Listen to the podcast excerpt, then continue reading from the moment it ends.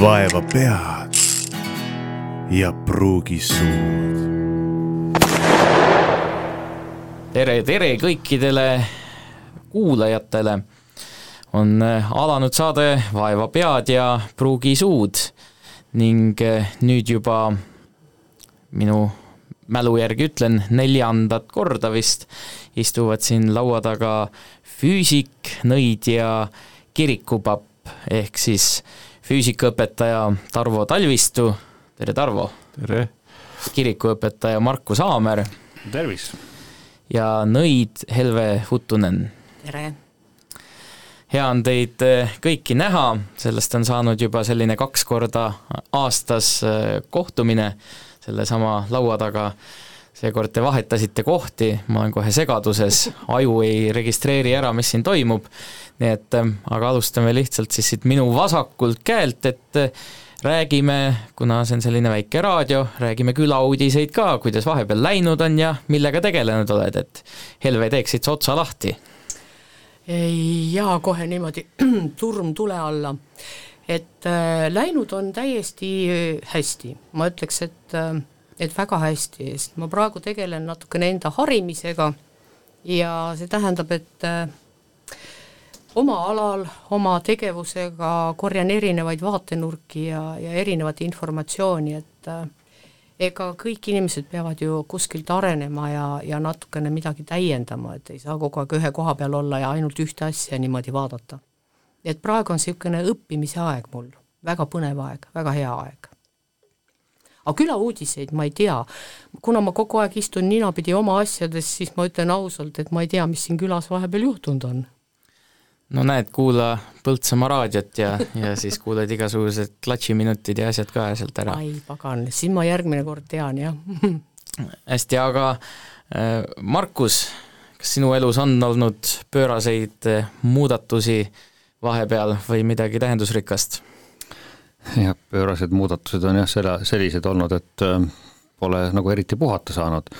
et äh, on tulnud anda muudkui aga takka ja, ja, ja nüüd olen sellises äh, suures igatsuses, et, et järgmisest nädalast saan, saan lõpuks puhkama ja aga muidu on läinud kenasti, et tunnen ennast vajalikuna ja püüan ise ka kõike teha seda, et, et ikka vajalik olla ja, ja ka püüan leida võimalusi teenimiseks ja, ja inimeste aitamiseks.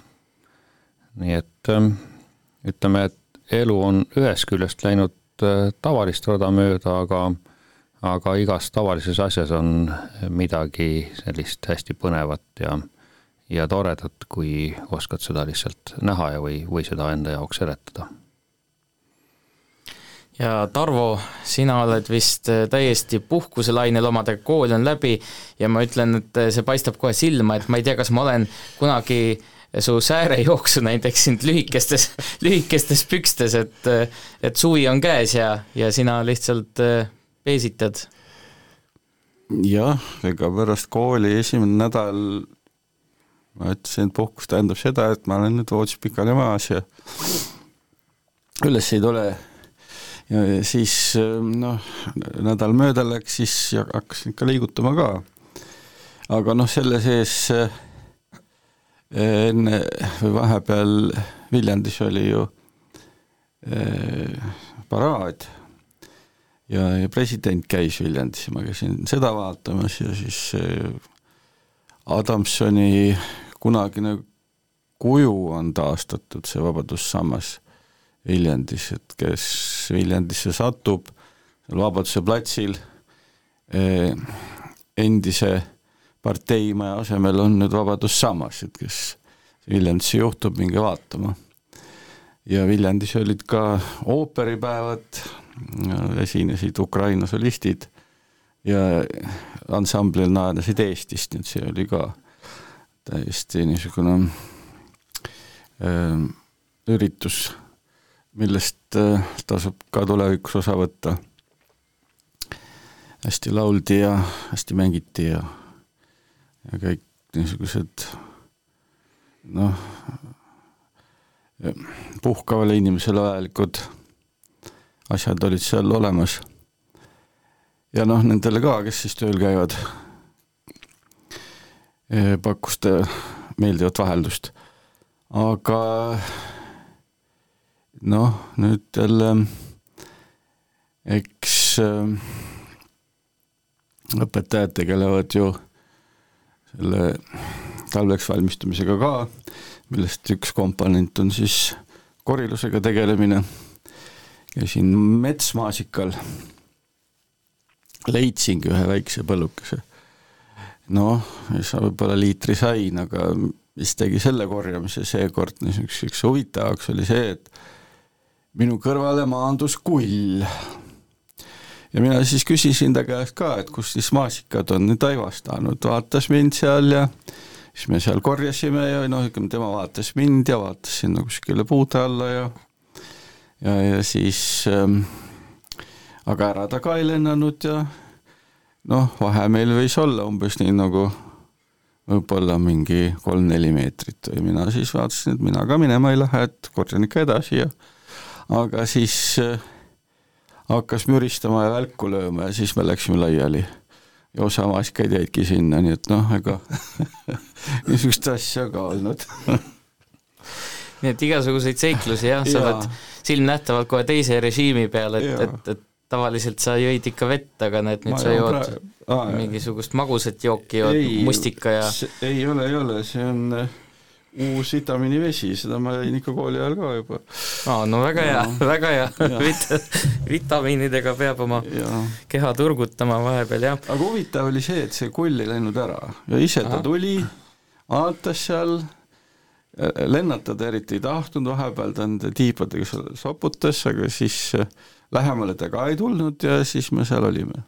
Huvitav, et füüsika hakkas kulliga juttu ajama. ei no ma just, ma just vaikselt mõtlen siin, et ütleme et füüsik laua taga ja kõige sellisem esoteerilisem lähenemine, et peab ju igaks juhuks ikka nagu äh, proovima. Äkki hakkab rääkima, katsetusi tuleb teha. Ei no mis ta sinna tuli siis muidu ikka. see tuli kindla märgiga ja, ja kindel sõnum oli, on ju, et aga nii tore on kuulata, et füüsikust on saanud ka inimene, on ju esoteeriline inimene noh, ega see, ütleme, kes kuulab seda esoteerika.ee, seal ju esines astrofüüsika professor Peeter Teenjas hiljuti mustade aukude teemal. et see pole sugugi välistatud, et, et füüsikat tundev inimene satub äh, sellisesse keskkonda, mis tegeleb äh, esoteerikaga. rääki-, rääkimaks äh, füüsikule ähm, kohaseid seisukohti ja maailmavaadet selgitama. jah, ma kunagi ka kuulsin ühte lugu, et üks ähm, väga teadususku inimene läks kuskil Amazonase džunglitesse ja rääkis sealsete šamaanidega. Ja siis need šamaanid ütlesid, et nemad räägivad puudega. Ja, ja siis äh, ta küsis, kuidas see võimalik on ja siis nad ütlesid talle, et selle jaoks sa pead selle taime omale siis sisse kuidagi manustama. Ja siis ta läks ja rääkis ka puudega.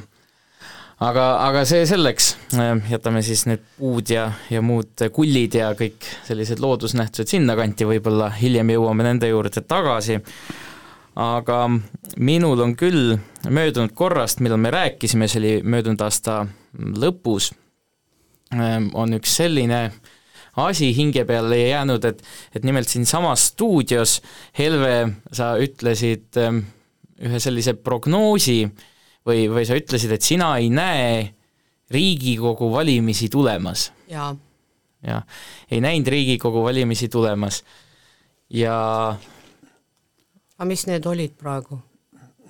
mis, mis need olid? Need ei olnud valimised, need ei olnud. Noh, ei pruugi ju tulla need faktid kõik niimoodi karjuvalt päevakorrale, aga valimised kui niisugused, kui ma räägin nüüd enda noh, sellise olekuga, kes ma olen, on ju, siis tegelikult need asjad olid juba ammu paika pandud, seda ma tundsin kohe raudpolt ja see oli lihtsalt üks niisugune etendus, nagu meil enamasti etendusi tehakse. ja seepärast ei olnudki valimisi. ma ütlesin kohe, et ma ei oska seletada, mida see tähendab, on ju see oli nii imelik, et nii noh, nagu mõistusevastane on ju öelda, et ei ole valimisi. aga tegelikult, kui ma takkajärgi vaatasin, mõtlesin, et aga neid ei olnudki ju. See oli ju kõik ette ära tehtud juba ja, ja kõik pidigi nii minema ja nii oli ja täpselt nii juhtus. ainult et tõlkimise küsimus on, mul on ka teinekord väga keeruline on tõlkida mingeid asju, et noh, näen või, või tunnetan ja kui ma hakkan neile panema nagu neid sõnu, mida ma noh, praegu, nüüd ja praegu tean, on ju, siis sellisel juhul ma ei pruugi nagu õnnestuda, noh, ma ütlen endale ka, et, et ma ei oska tõlkida vahest. Tunnen, aga ei oska tõlkida. ja vot seesama asi oligi. aga nüüd takkajärgi ma näen, et äh, ma saan nüüd aru, miks ma niimoodi tundsin. nii et noh, ma ei tea, kuidas, ega kõik, kõik ei pea nõustuma sellega aga, aga mina tunnen, et nii oligi. et sinu arvates siis ausaid valimisi ei toimunud, päris valimisi? ei olnud. ei olnud ja see ei ole mitte ainult, et minu arvamus, vaid äh, noh, siin on palju asju, mis räägib nagu selle kasuks ka ja, ja mida on ka välja toodud, et äh, ei olnud ausaid. nii et sa jääd oma prohveteeringu juurde? jaa, täiesti. no vot, mida, mida teie nägite siis ette või taha või, või valimiste ajal. kumb teist soovib midagi öelda, vastata sellele? mina jah. kui sa tahad. ei, no minu meelest see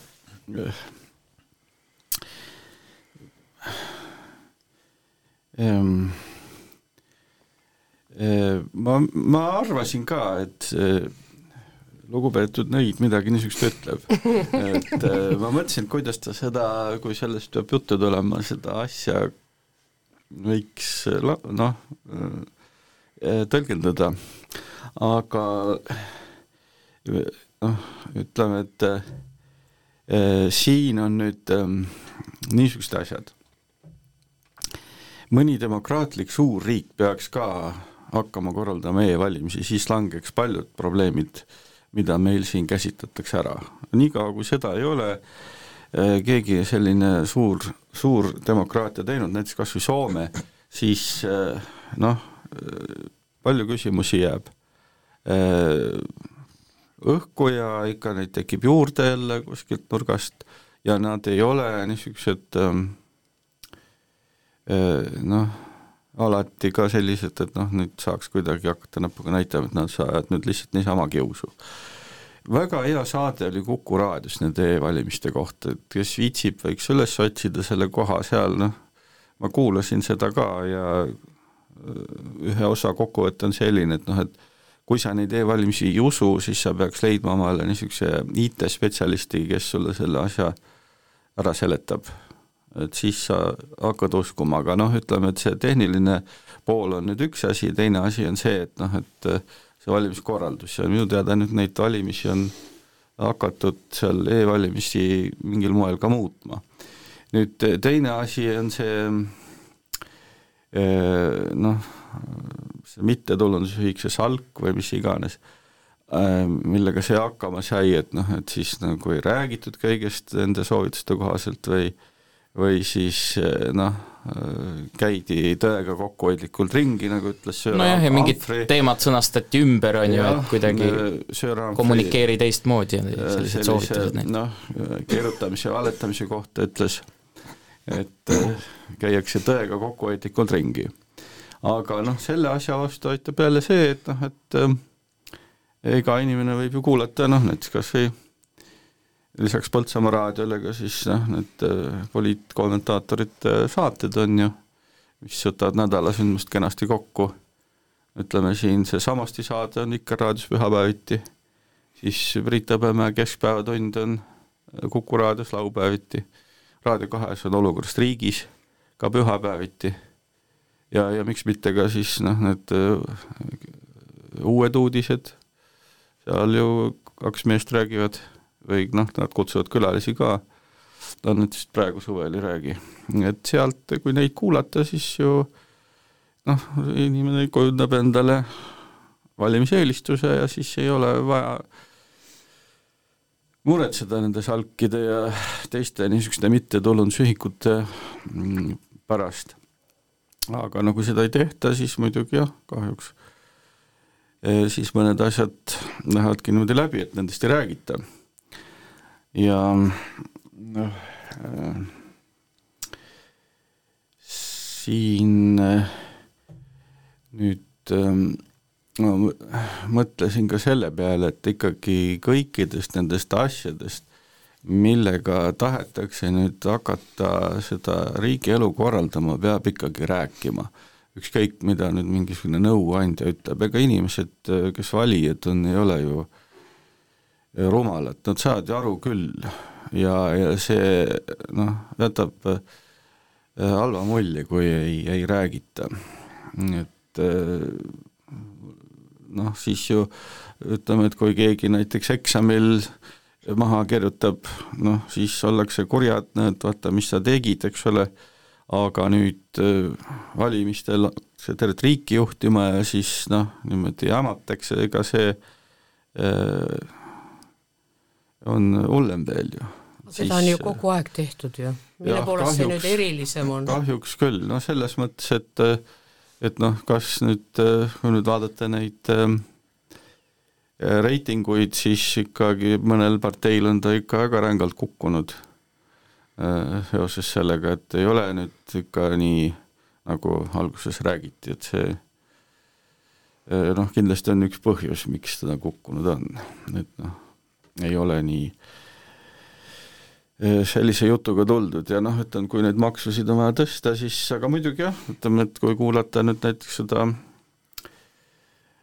ei mäleta, mis raadios see nüüd oli, Rein Lang teeb seda olukorrast ajakirjandusest ja ma väidab, et jah, et ikkagi on olnud juttu nendest maksutõusudest ja kõikidest muudest asjadest nüüd, et äh, mida plaaniti, et noh, peab ähm, sind ma jumaldan, nimetu naine, sind ma imetlen tundmatu neid. ära juurdlegi kokku, miks saime sest kokku pole viidudki meid. sind ma armastan, võrratu tüdruk, sind ma ülistan, nimetu naine. sind ma jumaldan, tundmatu neid. saatus kokku pole viinud veel meid. see pole pill, see on vaid raam veel pole kodu, on tuba. mul pole sind, kui su kord saab, on unistus rikutud juba. kui kord saab kuumusest kohustus, kui juba nõuda võid lohutust, kuid meis on ühist nii tohutult, saab sulle mu pildist vaid raam ma ihkan, kuid nime ei teagi. sind ma ootan, kuid teadmata kus. ja kui suudlen, siis teist sul ei ole. sest lootust peab häirima tusk. hoian hellalt neid tundeid, mu armas, sind ma ülistan lõputu unel. sind ma jumaldan tundmatu neid saatus kokku pole viinud veel meid. see pole pind, see on vaid raam, veel pole kodu, on tuba. mul pole sind, kui su kord saab, on unistus rikutud juba. kui kord saab kuumusest kohustus, kui juba nõuda võid lohutust kuid meis on ühist nii tohutult, saab sulle mu pildist vaid raam. la la la la la la la la la la la la la la la la sind ma jumaldan, nimetu naine. sind ma jumaldan tundmatu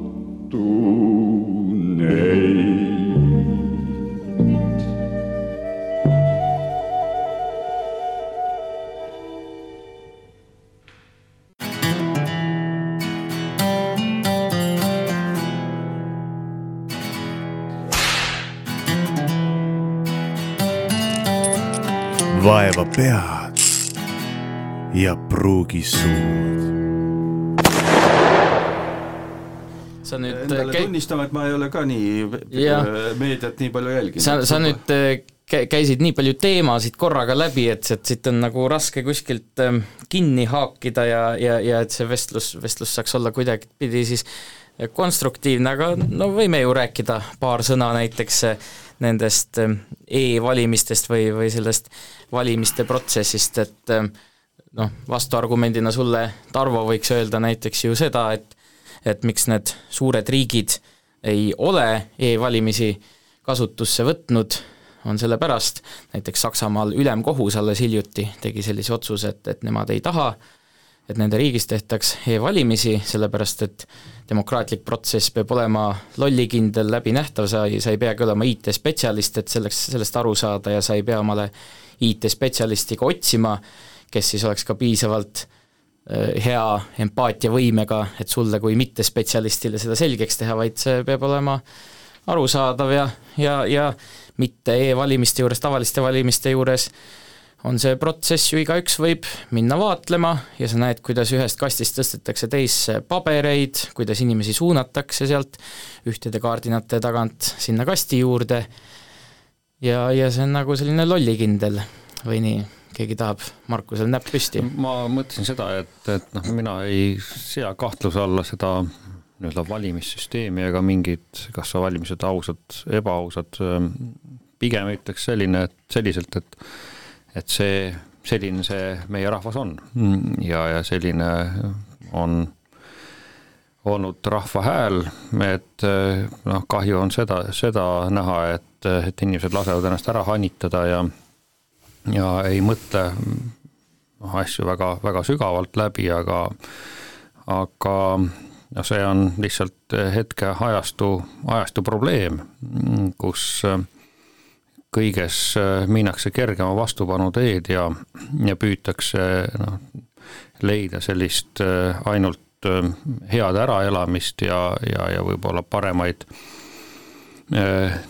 mingeid füüsilisi või, või selliseid kehalisi tundeid, aga vaimsusest ja, ja sellisest sisust on ikkagi noh, väga, väga tõsiselt puudus, et kus, kus ka sellist mõtteerksust, analüüsivõimet, oskusi asju läbi näha ja, ja kaugemale mõtelda või noh, vaadata ajalukku ja, ja, ja sellest teha oma järeldusi, et et see on kogu selle kompleksi noh, nagu probleem või alus, et, et siin me ei saa süüdistada mitte mingeid, mingeid selliseid protsesse, mis seada siis õigeteks või valedeks, vaid, vaid lihtsalt vaatame meie rahvale näkku ja, ja hindame, et kogu see, mis praegu toimub, kui rahul ei ole, siis see on lihtsalt, ongi see, see, et ütleme, et me oleme rahulolematud tegelikult oma rahvaga. kui me oleme rahulolematud riigiga ja ütleme, tehakse valesid otsuseid, siis täpselt neid valesid otsuseid teeme igaüks ise ja, ja igaüks peab ise nagu endasse vaatama, et noh, teatud hulk on ka Riigikogus, kes siis selle, selle vale, vale vastu võitlevad seal või püüavad kuidagi nii-öelda noh, mingisugust märki näidata, aga, aga et, et sealt tuleb ka nähtus sellest, et, et tegelikult riigis ka inimesed püüavad teatud hulk äh, nagu võidelda millegi õiguse eest, aga see surutakse jõuliselt maha, noh, nii nagu nii nagu see oli ka Riigikogus näha, et noh, täpselt samamoodi käiakse tangiga üle ikkagi sellisest mõistuse häälest siin selles, selles noh, ka inimeste hulgas, nii et et minu, minu seisukoht ja arvamus on tegelikult säherdune sellest valimisest, üks asi, ma Markusega täiesti nõus, tegelikult kui korra läheme nende, enne seda valimist, noh kui see toimus, seda aega, siis vaadake korra tagasi, kas ta ei meenuta N-liidu aega, kus sa võtad selle ajalehe ette ja seal on ainult ühe inimese pilt. lõpuks ma hakkasin juba kontrollima Postimehe kuupäeva, mulle tundus kogu aeg, et see on üks ja sama leht, aga tegelikult pidevalt üks ja üks ja üks. N-liidu ajal tehti ju täpselt samamoodi, et see ajuloputus ja see propaganda ühes suunas oli nii jõuline ja tugev, ma, ma, see võttis täiesti tummaks, on ju, et täitsa suu jäi lahti, et kelle pilt nüüd seal Postimehes no siis oligi? kuulge, arvake kolm korda, eks ju, kelle pilt võis olla pidevalt? kelle pilt võis olla? no kas see oli siis Kaja Kallase pilt? No, no, no et nad ostsid reklaami sinna lihtsalt hästi intensiivselt no, Postimehesse. kuulge, kuulge tõesti, on ju, et äh, enne valimisi lehtedel tehti maksusoodustusi ja pärast valimisi pandi need siis nüüd nii-öelda tõsteti üles jälle tagasi. miks see kõik käib, olge ausad, vaadake natukene seda noh, nagu laiemalt ja sügavamalt, et et analüüsida kogu seda situatsiooni, mis seal noh, taustas tegelikult on. et noh, need, need märgid kõik näitasid, et no see, ma ei räägi ainult, et e-valimised, et oleks mingi ebaaus värk olnud, aga aga ka selline tahtlik ja süstemaatiline suunamine, kellegi mõtlemise suunamine, on ju manipulatsioon, et millisest äh, ausast valimisest me räägime, kui me noh, manipuleerime kellegi mõtlemisega. see on minu, mina näen seda niimoodi, vabandust väga, kui keegi ei näe, aga, aga noh, natukene analüüsida ja vaadata seda. no paratamatult mm ütleme, kasvatus on kasvatus. Ja keegi peab kasvatama. Kaja kes... Kallas peab kasvatama Just meid, õige, normaalne. keegi peab võtma selle rolli, on ju, ja, ja no, et kes tahab oma agendat läbi suruda, noh, sellel ütleme, millised võimalused tal on. Ja loomulikult ajakirjandus on paratamatult äh, suur võim noh, nüüd kui on siis ajakirjandusmakse tõstet- või tahetakse tõsta, no siis saab näha, et kui öeldi, et, et nad ei kavatsegi siis seda nii-öelda andestada või, või ütleme, ära unustada ka nelja aasta pärast, eks näeb, et, et millised jõud ja võimud siis, siis liiguvad ja millised präänikud kätte antakse, et et loomulikult ajakirjandus on väga tugeva jõuga ja ükski teine institutsioon või, või võim ei saa sellele, sellele vastu, et, et mida ka raadios need osad diktorid oma hoiakuid või oma, need saatejuhid seal oma hoiakuid kajastavad, siis milline kuulajaskond, noh siin Tarvo luges küll suure hulga neid saateid ette ja aga, aga noh, seal ka ju omad, omad suntsid ja omad ringid, keda lubatakse, keda ei lubata. et, et sellist hoiakute kujundamist saab ikkagi väga tugevalt just läbi ajakirjanduse kujundada. et meie siin selles Põltsamaa raadios, no mis meie siin ei kujunda tegelikult suurt midagi et me saame natukene nii-öelda prääksuda ja võib-olla mõni inimene tunneb mingisuguseid tundeid meiega ühe, ühtemoodi või teistmoodi, aga aga meie ei ole tegelikult jõud. nii et põhimõtteliselt jah, küsimus ongi selles, et, et kuhu poole ajakirjandus äh, kaldub, sel, selle, selline on ka seal rahva mõte tegelikult. see tähendab, et enda analüüsivõime puudub? täpselt just, ja sellepärast ma olengi sinuga nõus, kui sa ütlesid, on ju, et see analüüsivõime ja kõik see arutamine enda sees, et nagu oma peaga mõtlemine, mina ütlen, et oma peaga mõtlemine on väga puudu. no kas see oma peaga mõtlemine ei ole tihti, mida lihtsalt öeldakse oma vastasele või et, või et keegi teine näeb maailma teistmoodi kui mina ja siis ma arvangi, et tal pole analüüsivõimet, et ta lihtsalt usub kõike, mida talle räägitakse, aga tegelikult ma lihtsalt ei mõistagi seda tema mõttesüsteemi kuigi hästi, sest see on minu jaoks niivõrd võõras ja ma ei näegi neid mõttekäike ja seda loogikat, mis seal on, et see on tihti isegi niisugune solvang või, või midagi, mida sa ütled teisele. No võib nii või naa võtta. no võtame kas või seda, kus jätame vaatenurgad korra kõrvale, et noh, et hea küll, oleme praegu valimiste lainel, on ju, et et tegelikult oli ju näha äh, nagu Reformierakonna neid ettevõtmisi ja neid otsuseid ja neid asju, mida nad tegid ja need hõiked ja lubadused ja mida iganes. ega see ei olnud üks kord, see ei olnud nüüd ups juhtus, on ju. võtame, analüüs tähendab, et sa ikkagi nagu vaatad tahapoole rohkem, vaatad laiemalt, noh. et oma peaga mõtlemine on see, kui sa kasutad kõike olemasolevat infomaterjali ja vaatad need üle, uurid need läbi, eks ju, noh, see käib nagu enda sees, see protsess, on et äh, nagu see ütlemine, et loe mu huulilt, maksud ei tõuse, no kuulge, kui sa oled ju enne näinud, kuidas on erinevaid äh, valesid loobitud ja kuidas on igasuguseid ma ei tea, niisuguseid manipuleerimisvõtteid kasutatud, no kui palju sulle peab labidaga pähe taguma, et sa aru saaks, et see on vale? no, no ma ei tea, no kui see, kui seesama ma... konkreetne näide võtta, no ega ta, see oli ju kuskil sügisel öeldud lause ja ega see ei tähenda, et siis järgmiste valitsuste ajal mitte kunagi enam maksud ei tõuse ei no maksud tõusevad alati, iga kord, kui jälle midagi on, jälle maksud tõusevad, on ju.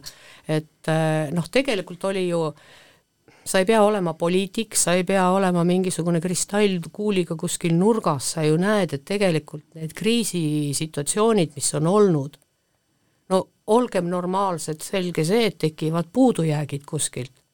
ja kui lubada, et kõik asi hakkab ainult tõusma, noh, ma mõtlen, heaolu hakkab kogu aeg tõusma, kuskilt millegi arvelt peab ju see tulema no ma, ma ei tea, mismoodi mõelda, võib-olla võib-olla on mingisugune selline teist tüüpi mõtlemine, ma ei oska öelda seda. See on ju elementaarne, see on ju nii loogiline, ma veel kord ütlen, see ei pea olema kristallkuul sul nurgas, sa näed ju lihtlabaselt, tavaliselt inimesena vaadates, noh, sul on hunnik kriise, sul on see kriis, kus tegelikult pandi seisma kogu majandus, on ju. no need tulevad ju puudujäägid. Milliseid asju te lubate, noh juba nagu see nurk vaadata, eks, et et äh, oodata, et siin kuskil midagi, heaolu hakkab tõusma. Need puudujäägid tuleb üle elada, aga kuidas neid elatakse, riigi tasandil elatakse maksutõusudega nojah, eks no ma kui, ei ole kui, poliitik, vabandust väga, aga ei, ma no võtan tavainimesena. kui nüüd mingisugune majandusalane või eelarveteemaline debatt avada, siis eks seal on igast koolkondi, ühed ütlevad, et praegune ajaaken, kus sa võid lõpmatuseni laenu võtta, aga, aga võib-olla ärme sinna jänese ärme urgu, urgu poe selle seltskonnaga. aga samas ma tegelikult tahtsin veel sulle ja. selle, selle küsimuse peale, kus sa ütlesid, et noh, et äh, teine vaatab teisest nurg, nurgast ja, ja, ja et ühel üks tõde, teisel teine tõde, loomulikult ongi tegelikult niimoodi, et et need tõed äh, teatud määral on erinevad, inimeste hoiakud, mõttelaadid, äh, et ähm, et aga noh, kõige taga tuleb näha seda, et, et ka teine on inimene. Ja, ja et teatud asju me peame lihtsalt noh, sallima, peame, peame lubama, aga mm, et me ei saa niimoodi võtta, et, et ühe hoiakud saavad, saavad teise hoiakuks, mm, on lihtsalt noh, teatud universaalhoiakud või uni-, baas sellised väärtused millest tuleb lihtsalt kinni pidada ja, ja noh, neid ei saa ära anda, see on, on lihtsalt eh, ühiskonna ja, ja, ja noh, riigi ja, ja inimkonna eksisteerimise eh, alused. Et need, need tuleb endale selgeks teha, mis, mis, mis hoiakud on ja väärtused.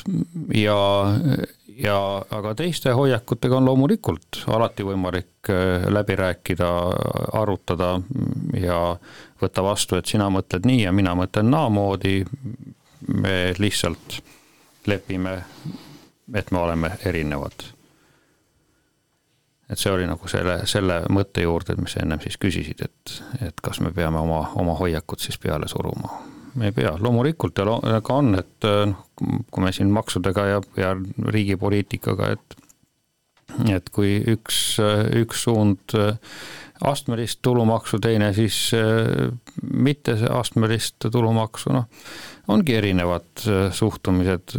noh, kahju lihtsalt see, et äh, see niimoodi noh, kiiresti käib ja meil ei saagi tegelikult sellist pikka, pikka plaani luua, sellepärast et, et me tegelikult ei väärtusta üksteist ja üksteise mõtteid ja hoiakuid ja ja ja see on, on nagu selline noh, kokkuleppe küsimus, et ei, ei, ei saa nagu sellist, sellist turvalisust kuidagi loodud, aga noh, kas see on, kas see on võimalik, ma kahtlen tegelikult, et, et üldse riigi, riigistruktuuris ja sellises struktuuris on, on ta demokraatlikus struktuuris on võimalik selline pikaajalisem plaan. et noh, siis peavad tõepoolest olema ikkagi ühed samad inimesed võimul väga-väga pikka aega, et et nad ainult oma mõtteid siis äh, niimoodi suunavad ja, ja, ja siis, siis see töötab, aga noh, diktatuuririigis on ainult võimalik selline pidev ja, ja püsiv, püsiv üht, ühtlane mingisugune kujundatud ettevõtmine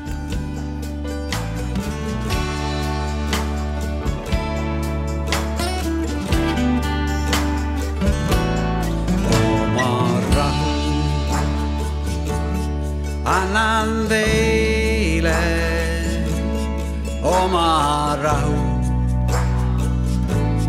jätan ma,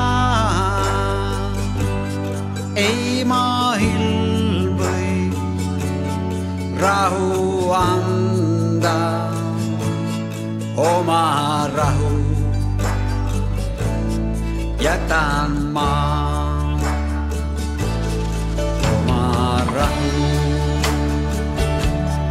annan teile oma rahu. jätan ma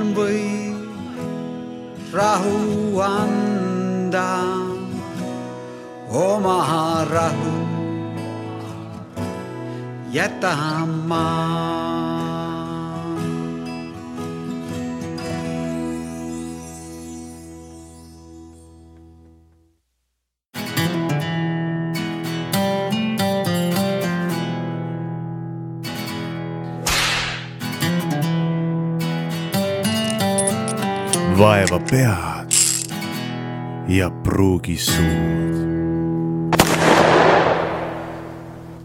aga kuidas, kuidas teile muidu tundub, et missugune see meie Eesti rahva seis on täna, missugune see nägu on, et et kas, kas me olemegi siis üksteisega nii tülis, lõhki kistud, et, et ei annagi mitte midagi paremaks teha, või mis see, mis see imevahend üldse on, kuidas ma, kuidas ma saaksin näha siis, nagu Markus ütles, inimest nende seisukohtade taga, kes tahab öelda midagi? Äh, mulle meeldib väga üks ähm, Indias kasutatav tervitus, see on namaste ja ta tähendab äh, ma näen su hinge.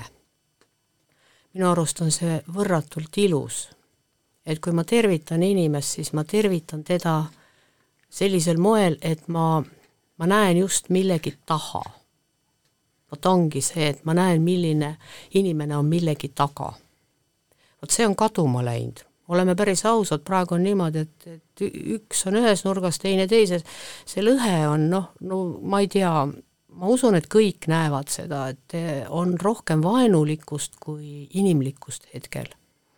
Et vot selline teineteise ja üksteise nägemine, mitte, mitte nagu, vabandust, ma nüüd ütlen sellise nurga, mitte nagu külamutt, kes käib ja kaagutab, et vaat, mis see ütles ja vaata, mis too tegi, on ju, vaid äh, kõikidel nendel asjadel on omal taga ju ka põhjused. et teinekord, kui on mingisugune teravam situatsioon, et mitte jääda kinni nagu sellele, mis see väline pind on vaid vaadata pigem ja püüda aru saada või vähemalt noh, enda poolt natukene näha vaeva, et aru saada, mis seal taga tegelikult on. sest kui keegi ütleb midagi või käitub kuidagi, noh, see ei ole niisama, et ta lihtsalt niisama lambist tead tegi, alati on kõigil oma põhjus. ja täpselt samamoodi on praegu, kui võtta ühiskondlikku plaani, igalühel on seal oma omad põhjused, omad lood on selja taga, eks ju, et noh, see on, see ongi see, et näha kõigepealt nagu seda inimosa, seda inimlikku poolt, aga mitte kohe hakata taguma mingeid äh, suhtumisi ja arvamusi, see lõhestab.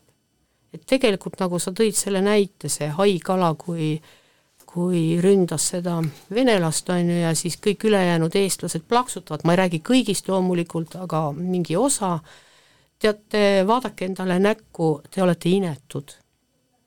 asi ei ole siin rahvuses, vaid äh, noh, lugu on juhtunud, eks noh, no arvata on, et see venelane ei jõudnud enne oma poliitilist kalduvust selgeks teha seal Haile ja kellelegi teisele, on ju, kelle poolt või kelle vastu ta on.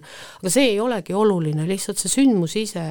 et noh, see teeb inimese inetuks, kui ma plaksutan teise õnnetuse peale et vot äh, muuta midagi, no nagu sa küsisid, et kuidas on võimalik nagu lahendada, ennekõike tuleb kõik alustada endast. Et mitte, asi ei ole praegu sõjas, vaid asi on selles hoiakus ja suhtumises, et siin oli ju vaktsineerimise ajal ka, kus rünnati neid, kes ei ole vaktsineeritud, oma rahva inimesi, on ju noh, oma oma rahvast, et ei kuulatud ära isegi nende põhjendusi ja ja neid ei peetud millekski ja lihtsalt võeti, et no siin on väga räigeid ütlemisi olnud, et et jääksid arstiabist ilma ja nad peaksidki kuskil omaette vaik-, vaikselt nurgas surema ja nii edasi. kuulge, me ei tee ainult teiste rahvustega, me teeme oma rahvaga seda ka. ja see on minu jaoks kõige jubedam. et äh, siin ei ole vabandusi siin ei ole õigustusi, et vot sellepärast ja puha, lihtsalt on hing on kuri ja süda on paha. et vaadake ennast natukene, mina pooldan headust. Ja jään selle juurde. nojah, eks ütleme, kui sa nüüd tõid selle vaktsineerimise asja sisse, et eks seal oli ka püüd ju selles, et et ikkagi püüti, püüti hoida läbi selle vaktsineerimise, et, et noh, ka see, kus siis vaktsineerimisvastased hakkasid neid proteste tegema, et noh, see tegelikult ei olnud ka ilus, eks. jaa, aga samal ajal äh, vaat seesama lõhe tekitamine, et noh, seal on ju tekitatud lõhe, meil on tõsiseid teadlasi üle maailma, kes tegelikult andsid teada nende vaktsiinide kohta väga palju informatsiooni koroona kohta, aga neid ei kuulatud, kui me räägime siin, et näeme inimest, on ju, me ühe arvamus ja teise arvamus, on ju, seal ei olnud arvamused nendel teadlastel, seal oli faktipõhine teave, aga see oli null, meil oli ainult sellised, selline infoallikas, kus tekib väga palju küsimusi ka minusugusel. Noh, arvan, et eks seal tekkis ju küsimusi igatepidi, seepärast No kas kas, kas seal nüüd faktipõhilist äh, teadmist sai olla või ei saanud, et see on suhteliselt kahtlane, seepärast et see oli nii, nii uus ja äkiline, äkiline asi, et, et äh, ei suutu, suudetud faktipõhiliselt äh, vaktsiine kindlasti teha ja, ja püüti, püüti seal kobada ja, ja kindlasti püüti teisel pool kobada, et, et noh, ütleme pigem, mis, mis ma nagu näen, et, et selline noh, hüsteeria selle ümber ja, ja, ja ütleme, üksteise süüdistamine, et see oli nagu see vale, vale samm, et et loomulikult, et kui sa ei vaktsineeri, siis hoia, hoia eemale ja hoiagi ennast noh, sealt, kui loodetavasti vaktsineerimine on, et noh, et ütleme, et on nagu siis äh, kaks, kaks liiki, üks liik hoiab ühele poole, üks liik hoiab teisele poole, et nad omavahel kokku ei, ei peaks saama, et et, et kuna, kuna see oli ju noh, täitsa ju sumpamine sogasis vees. Ei noh, seda küll asi ei ole. Praegu, ma tõin lihtsalt ei, ühe no, sellise üt- näite lõhe kohta. et see, et see jah, et see, see lõhe on ju tekkis, tekkis selles, et, et kumma, kummakit hakati süüdistama, tähendab, tegelikult kumbki polnud õige.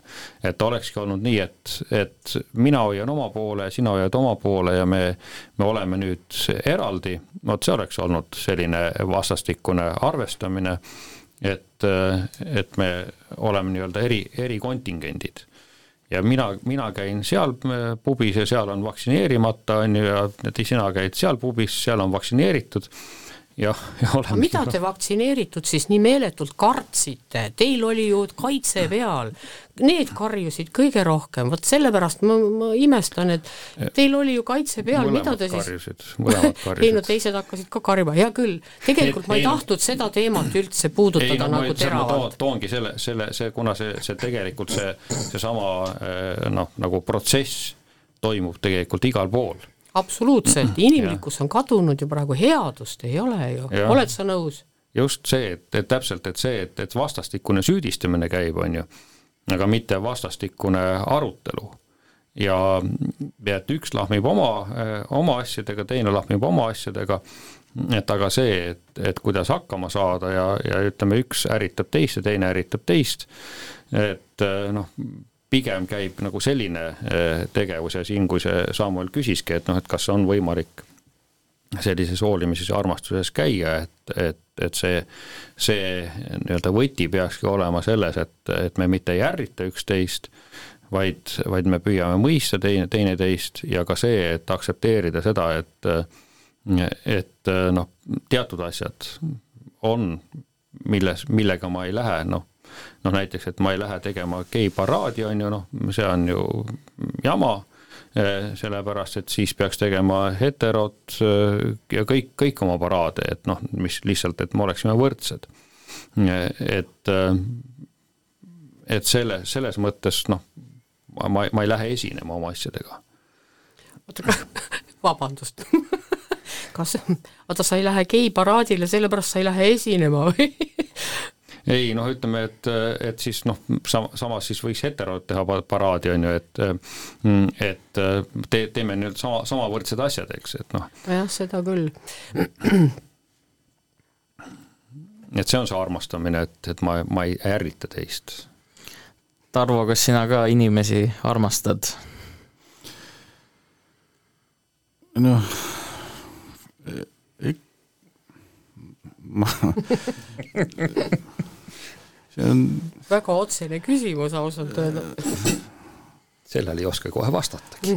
jah, see on nii palju filosoofiat, et noh, mis, mis ma neist ikka vihkan, eks ole, et noh, et niisugused nad on, küsid nagu nad on. inimese käest, et kas sa inimesi armastad, ta ütleb, no mis ma neist ikka vihkan.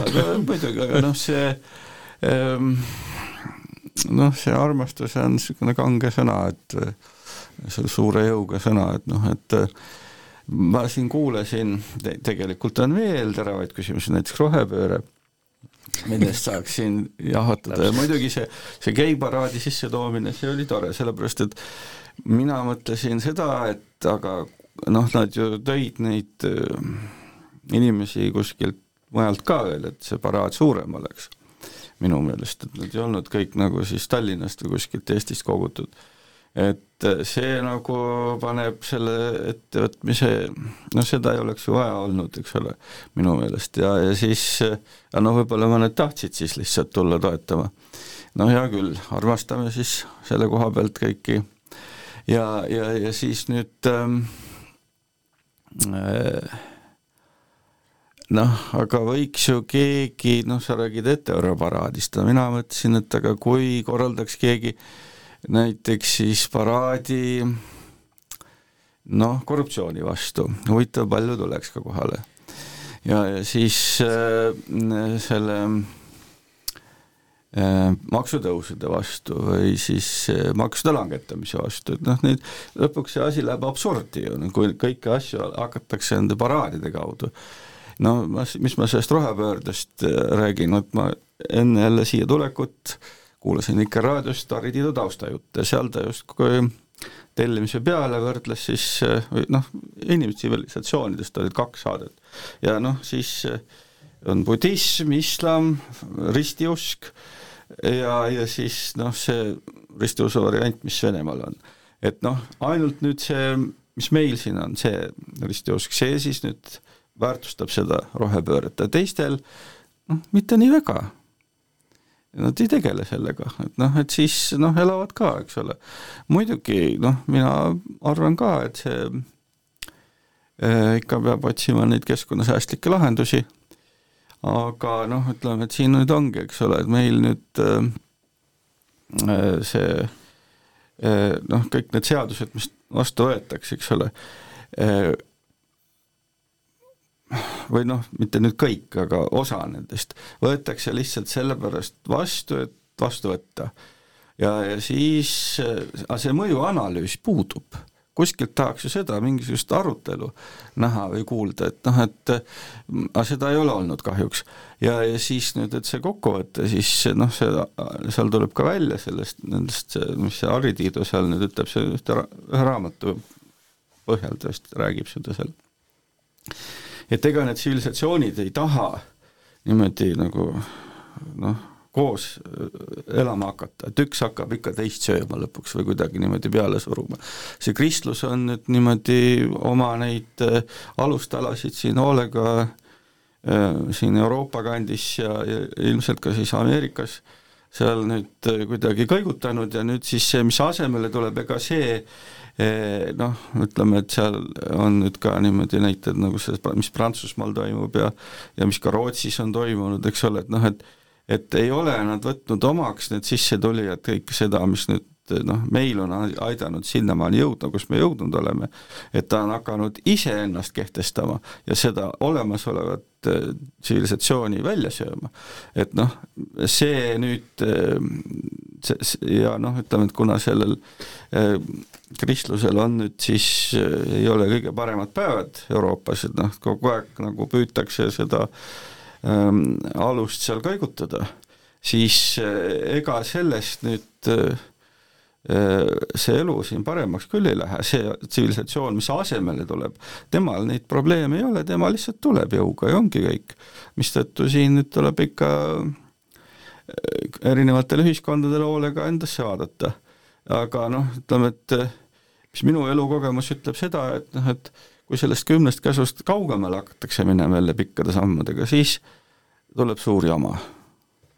nii et noh, ja sealt tulevadki kõik need mittesallimised ja siis parastamised ai küsimuses ja ma ei tea, mis asjas veel, et noh, see ongi nüüd eh, see mitte ainult nüüd ütleme Eestis, vaid justkui noh, võib-olla jah, et kui me, nagu sa siin ennem ütlesid, lugupeetud Neid, et me peaks oma peaga rohkem mõtlema, et kas tasub kõiki seda võõrast kultuurisõda Eestisse tuua ja siis selle pealt mingit poliitilist kasu lõigata. ja sealt hakkavadki siis need inimestevahelised suhted äh, halvenema.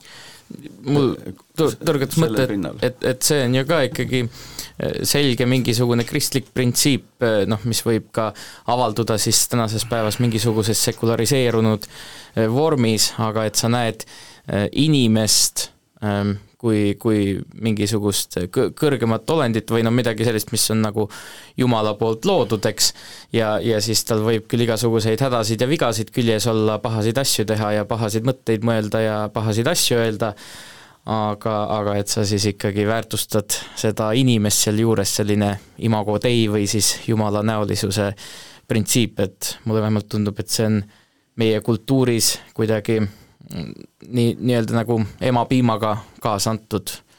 Jah, ma siin mõtlesin, et Tarvo räägib nagu kirikuõpetaja, et, et ilusat juttu, ilusat juttu. No see, see lihtsalt on nii, see, kes selle piibli, noh, ta ei ole piibliks kirjutatud küll, eks ole, aga noh, kui hakata analüüsima seda asja, siis äh, tuleb välja, et need, kes selle piibli kirjutasid, seda inimest tundsid ikkagi väga hästi ju. täpselt, just, ja noh, siin, siin ongi see, et, et mistõttu siin vastuolu ei ole füüsika ja selle kiriku õpetamise vahel. jah, nii et väga õige, et ongi, et, et tegelikult see eh, mis, mis, mis nagu probleemiks, et, et tahetakse see piibel väl-, välja või lükata ja ütleme, see inimlikkus sealt äh, ütleme, üks, üks osa sealt võtta, et püüda see inimlikkus sealt üles leida.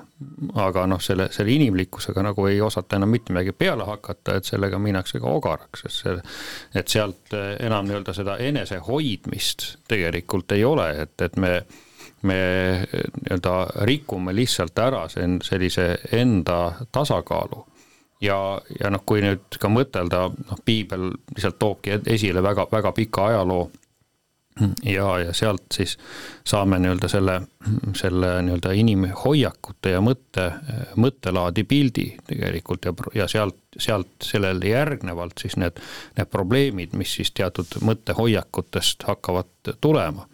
et äh, mitte küsimus ei ole selles, et, et inimene äh, noh, oleks kuidagi väga noh, ebainimlikult käitumas, vaid see, et teatud hulk inimesi nõrgestab enda, enda olemuse ja nad ei identifitseeri ennast enam mitte kellegi, kellegagi ja kellega, kellegina. sellepärast, et, et ma, ma ei ole enam äh, ei, mm, ei eestlane, ma ei ole enam võib-olla noh äh,, ma ei tea, mul ei ole, mul ei ole perekonda, mul ei ole usku, mul ei ole mitte midagi, noh, ma olen, ma olen inimene ja, ja lõpuks on niimoodi, et jõuame sinnamaale, et ma valin, kes ma tahan olla, et on ju, et tahan olla täna siis poiss või tüdruk, täna, täna tahan kass või koer olla või noh, mis iganes, et on ju, et noh, et minu, minu käes on nagu selline jumalik võim. ja vot see nõrgestab lihtsalt sellise inimese vastupanu, et ta laseb kõik, kõik sisse ja noh, nii nagu siin kunagi räägiti nendest rohelik-, rohelistest mehikestest, et ja räägitakse nüüd ka, et, et probleem, et sa ei, ei kontrolli enam neid rohelisi mehikesi seal piiri peal. ja nad tulevad ja ükskord seal sees lihtsalt olles nad korraga võtavad sult selle võimu üle ja, ja sealt, sealt nii-öelda ka kogu see moraali, moraali probleemid, et, et miks, miks me neid peaksime hoidma, me oleme lasknud ju kõik need, need võõrad võimud endale sisse ja noh, need tulevadki ja noh, nii nagu siin Tarvo tõi neid, neid näiteid on ju, et enam ei kontrolli ei Rootsis ega kusagil, kusagil mujal, et et nad lihtsalt võtavad võimu. ja, ja see, see ongi nagu see mis, mis tegelikult see piibel ja usk meile annab, et, et ta annab nagu sellise tugeva aluspõhja identifitseerida iseennast, kes ma olen ja oma, oma positsioone nagu aru saada üldse. nojah, ma väga, väga põnevas suunas on see asi liikunud praegu, see, see mõttevahetus ja mul tuli niisugune niisugune mõte praegu pähe läbi oma ka elukogemuse, ega ma siin viieaastane ei ole, ma olen piisavalt vana inimene ja, ja tegelikult näinud ühte koma teist, et äh, milleni ma olen nüüd tänaseks päevaks niimoodi raudselt jõudnud, mis on läbi kontrollitud sadu ja tuhandeid kordi, et äh, ma siin enne sulle ka rääkisin, eks, et hästi oluline on see, kui enda sees on headus et äh, läbi headuse muutub väljast tulev halb õnnistuseks. ja, ja vot see on, et, et lihtsalt olla hea, ei peagi nimetama ennast kuidagi jumal teab mis pidi, on ju. et lihtsalt, et minu sees on headus, see on parim kaitse üldse kõige ja kõigi vastu, mis äh, ohustab, aga kui meil, kui meil seda ei ole, vaat siis saab igaüks nagu väljapoolt rünnata tekitada mingid lõhed kuskile, tekitada mingeid äh, manipuleerimisvõtetega mingeid suundi, kuhu kallutada, kuhu mind keerata, noh, ma näen maailma nagu läbi pahameele kogu aeg, ma näen kõiki inimesi, kõiki elusolendeid näen kogu aeg nagu mingi, läbi nagu mingi halli kardina, mis on niisugune vaenulik ja paha, aga läbi headuse vaadates näed, et kõigil on oma põhjus, iga asi on millegi jaoks hea ja, ja noh, nagu ma nüüd võtan ka kirikuõpetajalt sõna ära, et kõrgemad jõud, Jumal ise näitab, et äh, läbi halva me võime jõuda millegi vajalikuni. et looduses on hea märk, et näiteks kui on midagi väga haige, siis seda haiget tuleb lihtsalt hävitada. et noh, ta hävib, ma ei, ma ei mõtle siin, et me hakkame inimesed omavahel nüüd hävitama, aga aga mingi halb asi peab hävima et äh, terve saaks äh, hakata kasvama. ja, ja noh, tegelikult on see läbi headuse ju, eesmärk on ju hea, midagi head. et vot, kui me niimoodi suudaksime üksteist ka vaadata, et kui kellelgi on midagi elus, noh, ta teeb midagi väga santi, see on tema jaoks võib-olla see kõige õigem tee. jah, ma ei õigusta mitte mida, mitte ühtegi nagu vägivalda või ega kuritegu, jumala pärast mitte, aga, aga mõnikord, mõnikord on vaja niimoodi. No siin ütlen siin lihtsalt raadiokuulajale, et lugege siis selle jutu peale nüüd Joosepi lugu läbi piiblist, nii et saate siis vast hea näite. Jah, et, et kui, kui läks õigesse kohta, siis on väga hea, aga aga tõesti, ma, ma niimoodi näen ja tunnen ja mitte ainult, et ma arvan, vaata arvamuse taga on tihtipeale oletused aga noh, need on nagu elu ise näidanud nende sündmuste läbi, et ähm, ma toon niisuguse näite nagu isiklikult, et kui on midagi halba mulle keegi üritanud teha või noh, ikka inim-, jutumärkides palju toredaid inimesi elus on ju läbi käinud, et äh, kui sa vaatad seda, et tal oli põhjus ja äkki on millekski hea ja ülla-ülla, aga tõesõna, need halvad asjad, mis mul on elus juhtunud, noh, kellegi käe läbi, ütleme siis nii, on tegelikult mulle muutunud nad õnnistuseks. ma ütlen ausalt ja seepärast ma olen südamest tänulik kõigile, kes on teinud noh, minu elus või, või minuga seoses midagi ebameeldivat. ma tänan ennekõike neid, sest headus on nagu lõpptulemus, aga läbi negatiivi minemine on siis algus selle headuseni. nii et äh, ma ütlen kõigile aitäh siin maa peal. Ja, ja tõesti no püüdke vaadata nagu enda südame kaudu maailma, ma arvan, et siis neid lõhesid ei oleks nii palju. nii et kutsud siis üles sinuga siis riidu minema, et siis sa saaksid või võimalikult palju areneda. Aitäh sulle selle eest. Tead muidugi, aga see ei kehti ainult minu kohta, ma arvan, et see kehtib kõigi kohta või noh, tõesti, ma, ma usun, et see kehtib kõigi kohta, ka sinu kohta jaa, täpselt õige, jah, et loomulikult negatiivsest lihtsalt see paneb mõtlema võib-olla kõige rohkem, et et headusest head leida on tunduvalt keerulisem, seepärast et, et siis sa pead nagu ise produtseerima mingisuguse, mingisuguse mõtte veel sinna juurde, sest noh, halb lihtsalt toob selle, selle mõtte esile kohe ja, ja sa hakkad, hakkad nii-öelda paratamatult ennast kaitsma või, või kuidagi nii-öelda midagi hakkab tööle sinus ma korra kasutan Viimset reliikviat, alles hiljuti oli see film kuskil mingil X-kanalil, et äh, otsi ikka endale sõpru vaenlaste hulgas, siis oled sa võitmatu ja suuremeelne. nii et tegelikult ka, kui sa vaatad, nüüd on ju midagi halba, otsid sa selle hea üles, siis tegelikult sind ei ole võimalik võita. aga samas oled suuremeelne no vot, nii et siis äh, oli, oli siis äh, väga hea, et siis Kaja Kallast on ju reklaamiti tugevalt siis sa ikka tead, igast asjast leiad võimaluse, kuidas ja aga samal ajal kõik asjad ongi niimoodi, et tegelikult ei ole ühtegi mustvalget, et kõigil on omad need pooltoonid ja kõike puha. loomulikult, kuna teema oli siin nagu see valimiste teema, et siis ma kasutasin seda, aga ära hakka norima.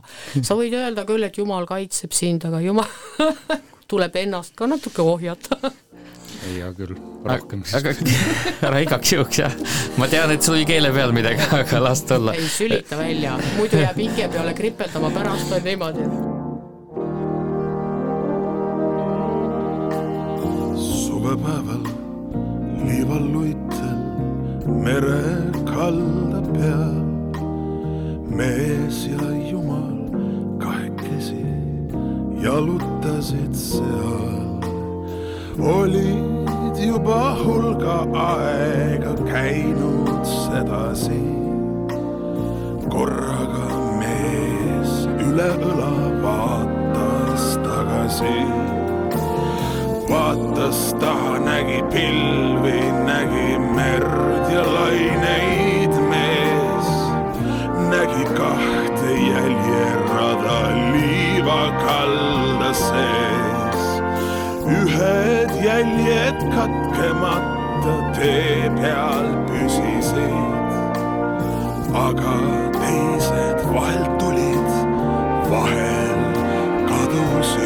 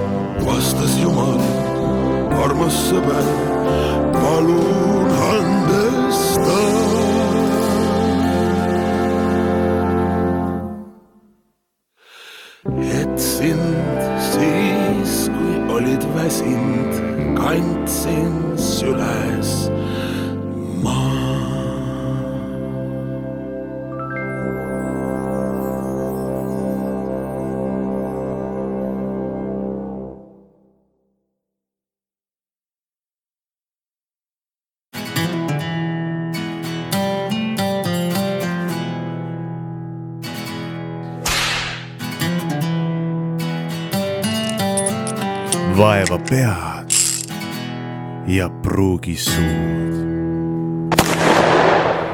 ma, ma küsin Tarvolt hoopis siis vahepeal, et, et Tarvo, kas sina ka kuidagi head ja kurja lahti mõtestad või, või kuidas sina neid kategooriaid mõistad?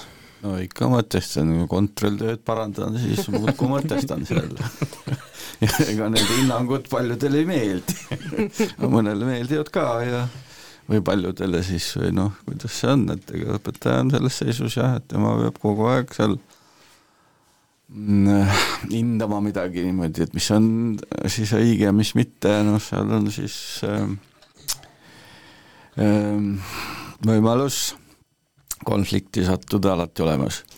aga noh, see on lihtsalt selle tööga kaasas käiv ettevõtminega siin midagi teha ei ole. ja, ja noh, ei teagi siis nüüd see noh, ikka tuleb ikka tõtt ka kuulutada vahest, ega ei saa niimoodi, et lihtsalt ootad nüüd, et keegi siin mingisuguse jama kokku keerab, et siis hakkad sealt midagi head otsima, ikka seda asja tuleb enne ennetama, püüdma seda korrigeerida varem, et ei läheks asi väga metsa, noh ikka ma ütlen, et noh, inimühiskonnas on ikka see, et kui sellest kümnest käsust minnakse kaugele, siis on jama majas. See on läbi ajaloo nii olnud. sa siis kont-, kontrolltöö ajal mõtled, kontrolltöö parandamise ajal mõtled ka siis kümne käsu peale no,? muidugi. ikka. ikka mõnda ütlen mitu korda, et vaadata, et ülekohut ei teeks siin põhjuseta mõnele ja noh, eks siis hiljem saab ju kellegi käest ka tüü-, küsida, et noh, et mis sa siin mõtlesid või tegid või aga noh, ütleme koolis on see võimalik, kui eksamit tehakse, siis peab olema väga täpselt, nii et noh, seal siis ikkagi on vaja noh, nõuda, et, seda täpset sõnastust ja mõnele võib-olla tundub see norimisena, aga kui ta lõpuks selle ära õpib ja niimoodi esitab, nagu vaja on, siis noh, see ütleme, et niisugune tundmatu parandaja saab ka sellest keelest samamoodi aru ja siis ta ei kaota punkte lihtsalt need siin noh, on niisugused noh, natuke detaili, aga põhimõtteliselt on tarvis ikkagi teinekord öelda karmi tõtt, et nii ei saa. Ja, ja siis kuidas keegi nüüd sellest aru saab, kas ta saab aru, et talle head tehti või ei saa, eks ole. aga noh, universaalsed on ju näiteks loodusseadused ja, ja nendega on ju nii, et ähm, kuigi ka noh, ütleme, et siin on äh, noh, ütleme, et neid konstante peab pidevalt mõõtma, et kontrollida, et kas nad on kogu aeg universaalsed olnud, aga noh, ütleme, et meie äh, nende eluea piirides siin ja, ja noh, ütleme, et ka selle äh, noh, ütleme, et need, nende muutumine on ikkagi seotud ikka väga, väga, väga pika ajaga, kui, kui üldse, eks ole, et noh, et seda peab kontrollima, et siis see on niisugune universaalne asi, mis, mis peaks jääma. Ja, ja, ja noh, aga ka neid universaalseid loodusseaduseid peab ikkagi noh, pidevalt kontrollima uute teadmiste valguses. kuulge, aga ma küsingi, et kas mingi universaalne selline hea ja kuri või moraal on siis siis ka olemas, sest noh, me teame ju, et erinevates kultuuriruumides, erinevates religiooniruumides, erinevates väärtusruumides on see moraal ja, ja, ja väärtuskoodeks teinekord nagu kaunis erinev. ja me rääkisime siin ka erinevatest maailmavaadetest, et kui meil juba ühes ühiskonnas on mingisugused sügavad fundamentaalsed erimeelsused, üks mõistab head ühtemoodi, teine mõistab seda hoopis teistmoodi, mis see hea ja ilus on. kas, kas kuskil on siis midagi sellist, mille poole peaks püüdlema või, või oleme me hoopis sellest võõrdunud või, või mis te arvate? kas on midagi sellist, mis, mis, mis ongi nagu kõikidele inimestele siis üks ikkagi no. moraali valdkonnas? no see Konfutsius ütles ju minu meelest, et ära tee teisele seda, mida sa ei taha, et sulle tehtaks, no see ongi sisuliselt kümme käsku. noh, et ega see on üsna universaalne asi. no tegelikult või lause hea, headus on ka universaalne. see, sellel ei ole mingisugust usu ega, ega maailmavaate ega kultuuriruumi mingit nurka, see on tunne. See on midagi, mis on sees tunne ja selle tunneb ka teises inimeses ära. nojah, aga see ongi nüüd, et, et võtame selle meie noh, poliitikud, eks ole, väidetavasti nad tahavad ju kõik head, eks ole, kellest meil siin on palju juttu olnud, aga saatejuht ei taha, et enam nimetaks, kõik tahavad ju head. ei vaata, üks asi on see, et ma tahan head, aga ma toon mm. ühe näite nagu selle mm, selle teema kohta, et näiteks kui mul on viha ja vihkamine kellegi vastu ja nüüd äh, see, kelle vastu mul on see vihkamine, toimetab kellegiga ja mina vaatan seda teist, kellega ta toimetab, kui ohvrit. ja nüüd ma teen selle ohvri heaks, ulatan käe ja teen, ma ei tea, mida iganes tema heaks, aga ma ei tee seda mitte headusega, vaid ma teen selle baasil, et ma vihkan vot kedagi.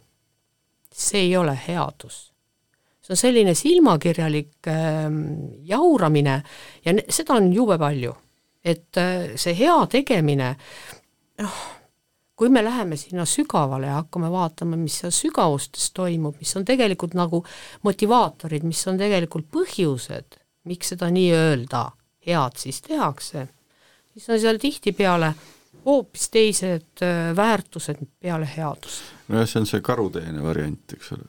no läheb sinna alla jaa, samamoodi. aga mitte, mitte ainult, et noh, vaat äh, üks väga hea vana-vana, igivana ütlemine on see, et mure kellegi pärast on egoistlik hirm muutuste ees. ja kui seda nüüd lahti mõtestada, siis tegelikult äh, noh, muretseme kellegi pärast, nimetame, et see on meeletu hoolimine, aga samal ajal, kui minna küsimustega sinna enda sees hästi sügavale, siis miks ma seda muretsen kellegi pärast? sellepärast, et kui noh, ta midagi teeb, see muudab minu mugavust ei ole nii, see on, koolis on kasvatustöö, on, seal peab muretsema kogu aeg. muidu laguneb ühiskond laiali. ei no laske käia, on ju, muretsege ja lammutage nii palju, kui tahate. ei lammuta midagi, ikka on sellised äh, üldreeglid, nendest peab kinni pidama ja siis ongi üks osa kasvatustööst jah, aga siis me see... kasvatame ju väga kindlas suunas jälle, aga No vaata no, muidugi. küsimus oli ju selles, et kas on midagi universaalset, et näiteks noh. need konstandid, kui need oleks nüüd natukene erinevad, ega siis elu universumis siin meie noh, universumi nurgas meie kujul ei saaks eksisteerida. et Vot. need on küllalt niisugune, see on üks küsimus, et noh, et miks noh, nad on täpselt sellised, need konstandid, et millis meie saaks siin eksisteerida. kuidas see on võimalik? Aga ta on, et see on selline uni- universaalsus. mis konstandid siis? Need on noh, niisugused loodusseaduste jah, et on seal noh, noh eh, no ma saan sellest mõttekäigust niimoodi aru, et, et äh, kuna mingisugused loodusseadused on meile paratamatus justkui nagu ette antud ja siis äh, reaalsus toimib ka nagu teatud äh, viisil ja selle tõttu on ja. siis ka mingisugune moraalikoodeks, mis, mis, mis toimib ja teised on sellised, mis mis nagu ei toimi nii hästi ja see ongi see universaalne koht siis äkki selles sotsiaalses jaa, aga energia Aspektis. ja jõuseadus on täpselt seesama, ongi seesama, noh, ma arvan, et läheb sulle selle asjaga kokku, et energia ja jõuseadus. Jaa. no vot, see mina räägin nüüd oma nurga hea pealt, eks ju, jaa, jaa. Et see võib füüsikule ja nõiale väga erinevaid asju tähendada. Aga tegelikult- jaa. on need, mis peavad olema nii, nagu nad on. aga nad lähevad kõik ühte ju tegelikult, lihtsalt nimed on ja vaatenurgad on erinevad, aga sisu on ju kõigil noh, nagu ikka seesama üks on ju. jah, tõesti on, et suhteliselt keeruline on muidugi, on ju panna mingisuguseid selliseid äh, ühiseid sõnu või termineid paika, sest loomulikult me, me tunneme, mõtleme erinevalt, meil on erinevad kogemused. Ja, ja, ja samas jälle noh, tundub, et me tunnetame või mõistame suhteliselt jälle ühtemoodi, et et selle, sellepärast sõnadesse panna eh, paljusid asju ongi hästi keeruline, et eh, ütleme, et kui me ütleme ka armasta, et armastus on siis eh, teatud selline kah, ütleme, konstantne suurus. aga, aga sama, samas ta ei ole jälle, sellepärast see on väga, väga laialivalguv. ja, ja me ütleme, et armasta ligemest ja armasta Jumalat ja siis on kõik korras, noh, ongi mm, nii-öelda kogu süsteem paigas nii et, et ühest küljest jah, sõnadesse panna on seda, seda väga, väga keeruline, aga aga nagu Elva ütleski, et, et see on tunne, mis on paratamatult meis, meis kuidagi sees olemas. Ja noh, ka need loodusnähtuste ühe- ühest küljest me võime ütelda, et et nad on olemas, lihtsalt me saame neid kuidagi füüsiliselt mõista, aga, aga lõplik eh, see, see, et mi-, mismoodi me nendesse suhtume, on jälle see meie tunne, mismoodi me hakkame neid väärtustama, noh, kas, kas või sellest, et, et noh, hea küll on, on, aga, aga, aga need ei ole minu jaoks mingid, mingid väärtused või, või põhimõtted ja selle võib alla vett lasta, et, et noh, näiteks vihma sajab, aga kui ei saja ka, siis ma kastan, on ju, noh, ka siis, kui ma, kui mul vett ei ole, siis ma ei kasta, no kus, kusagilt peab nagu midagi,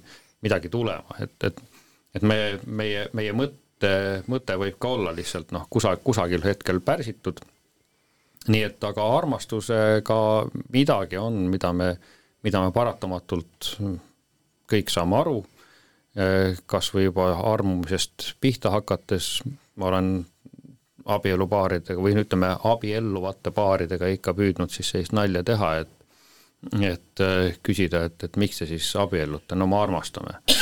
Siis äh, lasen neid hak-, siis seda, et, et seletage mulle ära, mis asi see armastus on. ja nad ikka nii, nii puntrasse, et, et nad on, on päris hädas. sul on ikka karmid naljad, ma vaatan. et, et nad ei, nad ei saa aru, mida nad, mida nad mulle ütlesid sellega, et nad armastavad üksteist ja ja, ja selles, selles mõttes äh, ka seda armastust tuleb tegelikult selles mõttes lahti seletada enda jaoks, et, et see tõepoolest on esmalt nii-öelda äh, täielik hoolimine, täielik selle teise inimese äh, aktsepteerimine, aga see tähendab seda, et ma ei pea nii-öelda tema pattu või tema, tema eksimusi aktsepteerima. ja ma võin seal küll ka selles armastuses ütelda teatud, teatud märkusi. Ja ka see on armastus tegelikult. et ma, ma teatud kohas püüan juhtida nii-öelda oma äh, mõtetega, aga samas olla vastuvõtlik, kuulama ka tema mõtteid. ja, ja selles äh, nii-öelda leppimises äh, tekibki sel-, see, see armastuse tõeline olemus, et me, me võtame eelseisukoha sellist, et me tahame koos, me tahame koos edasi minna ja, ja me püüame leida selle, selle lahenduse.